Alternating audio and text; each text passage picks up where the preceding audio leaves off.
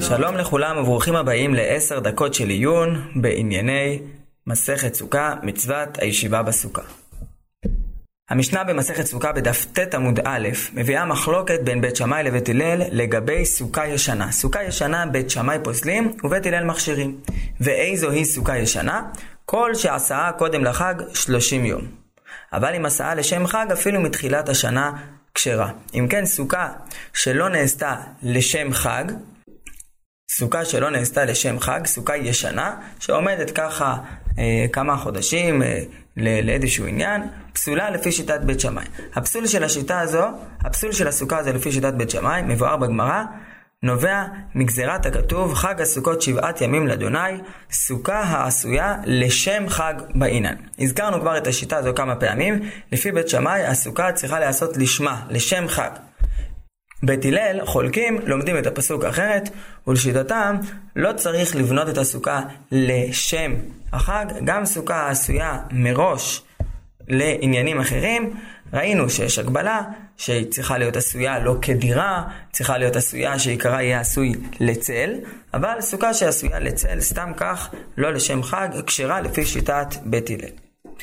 הדבר המעניין הוא שהראשונים מביאים ירושלמי, שבירושלמי מבואר שאף על פי שלפי שיטת בית הלל סוכה ישנה כשרה, יש דין שצריך לחדש בה דבר.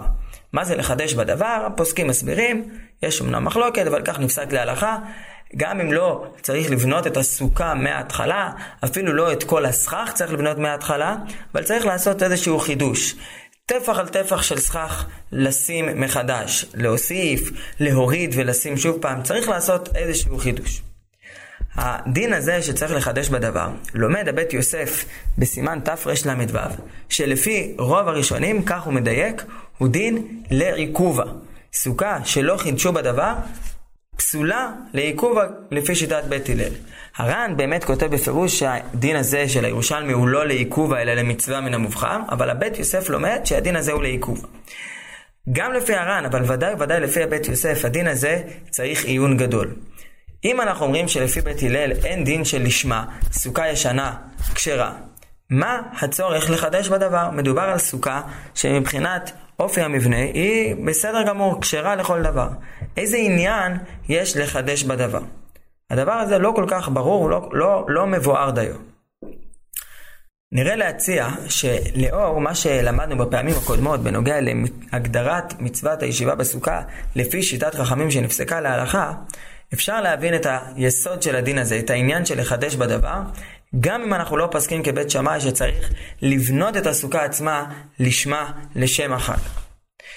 סוכה שכלל לא עשויה לשם חג, מלבד החיסרון של לשמה, לשם החג, שאין בה את החלות המיוחדת של סוכת סוכות, יש בה חיסרון שקשור ל...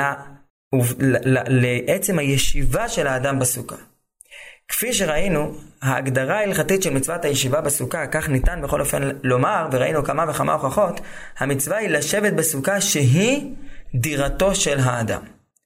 ייתכן שהצורך בחידוש הדבר, בפעולה הסמלית הזו, נובע מאיזשהו חיוב, או לכתחילה, או אפילו לפי בית יוסף, לעיכובה, שהאדם צריך בתודעתו להגדיר לעצמו שהסוכה היא דירתו. לא מספיק שהוא בא פתאום ויושב באיזושהי סוכה סתם שנמצאת מאיזושהי סיבה ברחוב או בשדה ונבנתה בהקשר אחר לחלוטין שבכלל לא קשור למגורי חג.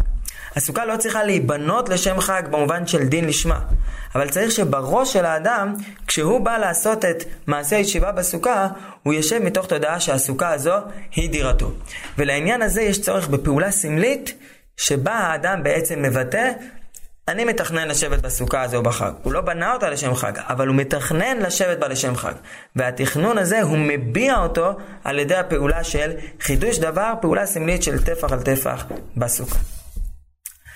אולי עיקרון, אה, ביטוי נוסף לעיקרון הזה, ביטוי לכך שיש משמעות לשאלה מה האדם עושה מראש, איך האדם מתייחס מראש לסוכה שבתוכה הוא יושב בסוכה, אפשר למצוא בתוך דברי היראים, דברים שנפסקו להלכה ברמה בסימן תר"מ. היראים מתייחס למושג של פטור מצטער. ראינו, כבר הזכרנו את המושג הזה של פטור מצטער, יורדים פתאום גשמים בסוכה, יש דוגמאות בגמרא על אה, יתושים שמסתובבים בסוכה ובעצם אין אפשרות נורמלית לשבת בסוכה, והפטור של מצטער קשור שוב לעובדה של תשבו כעין תדורו. אדם צריך לשבת ישיבה נורמלית, ראויה, ישיבה שהיא מעין ישיבתו בדירה, ולא ישיבה כזו מסכנה, מצטערת, משהו ש, שהוא לא, לא מבטא ישיבה אה, קבועה ויציבה ונעימה בתוך הסוכה שהיא דירתו.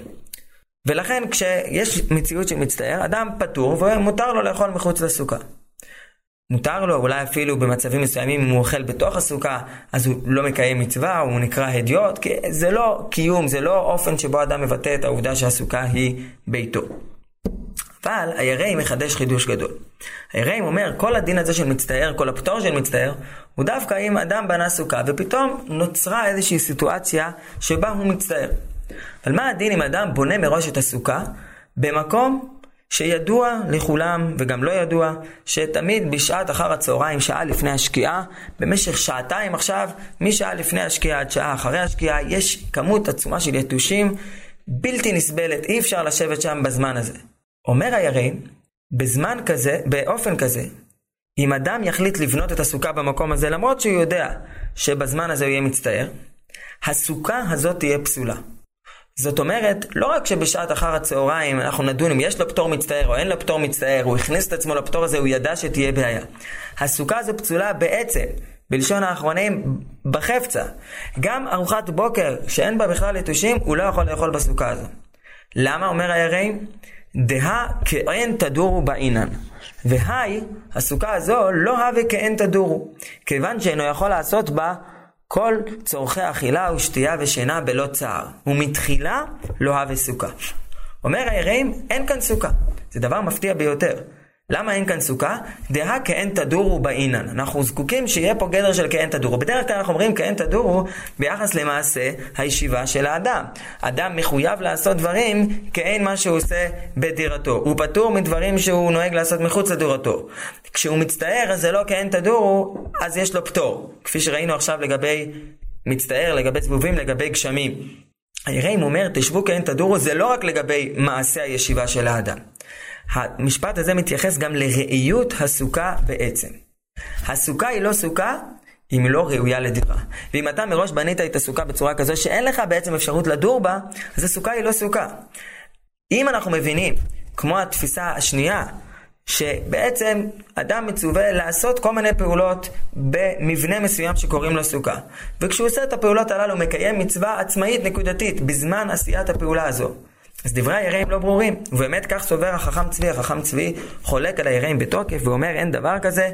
עצם העובדה שאדם יושב בסוכה שהיא לא ראויה בזמנים מסוימים או לפעולות מסוימות, היא לא מעלה ולא מורידה. העיקר הוא שבזמן הישיבה בסוכה, כעת הוא לא מצטער. כעת הוא יושב בסוכה שמבחינת המבנה החיצוני שלה כשרה לכל דבר. כעת הוא לא מצטער. זה שבעוד שלוש שעות הוא לא יוכל לשבת בה, זה לא מעלה ולא מוריד, גם אם הוא ידע את זה מראש כשהוא יושב בסוכה, כשהוא בנה את הסוכה. אבל היראים אומר, אתה מראש צריך להגדיר את הסוכה כדירתך.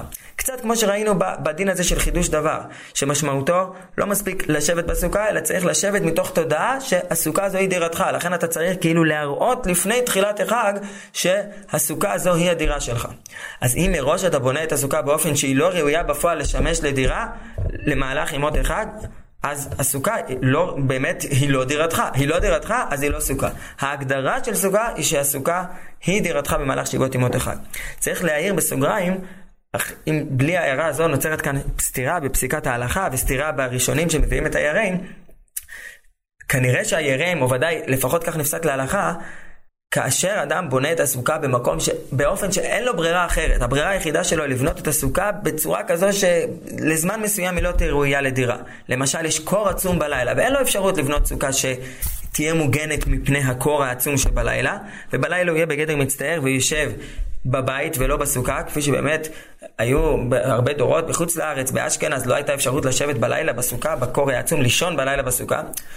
אז זה לא פוסל את הסוכה בעצם לכל שבעת ימות אחד.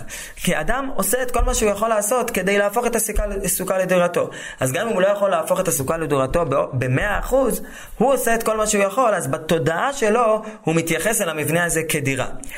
כל דברי היראים הם דווקא כאשר אדם מראש בונה את הסוכה באופן שהוא יודע שהיא לא יכולה להיות דירה ואין לו שום בעיה לעשות מעשה אחר, להתאמץ ולעשות מעשה אחר, אז הוא בעצם מראה בדעתו שהסוכה היא לא דירתו, וככזו היא פסולה לשבת בה אפילו בשעה שיש אפשרות לשבת בה, כי המצווה היא לשבת בסוכה שהיא דירתו דירת שבעת ימים.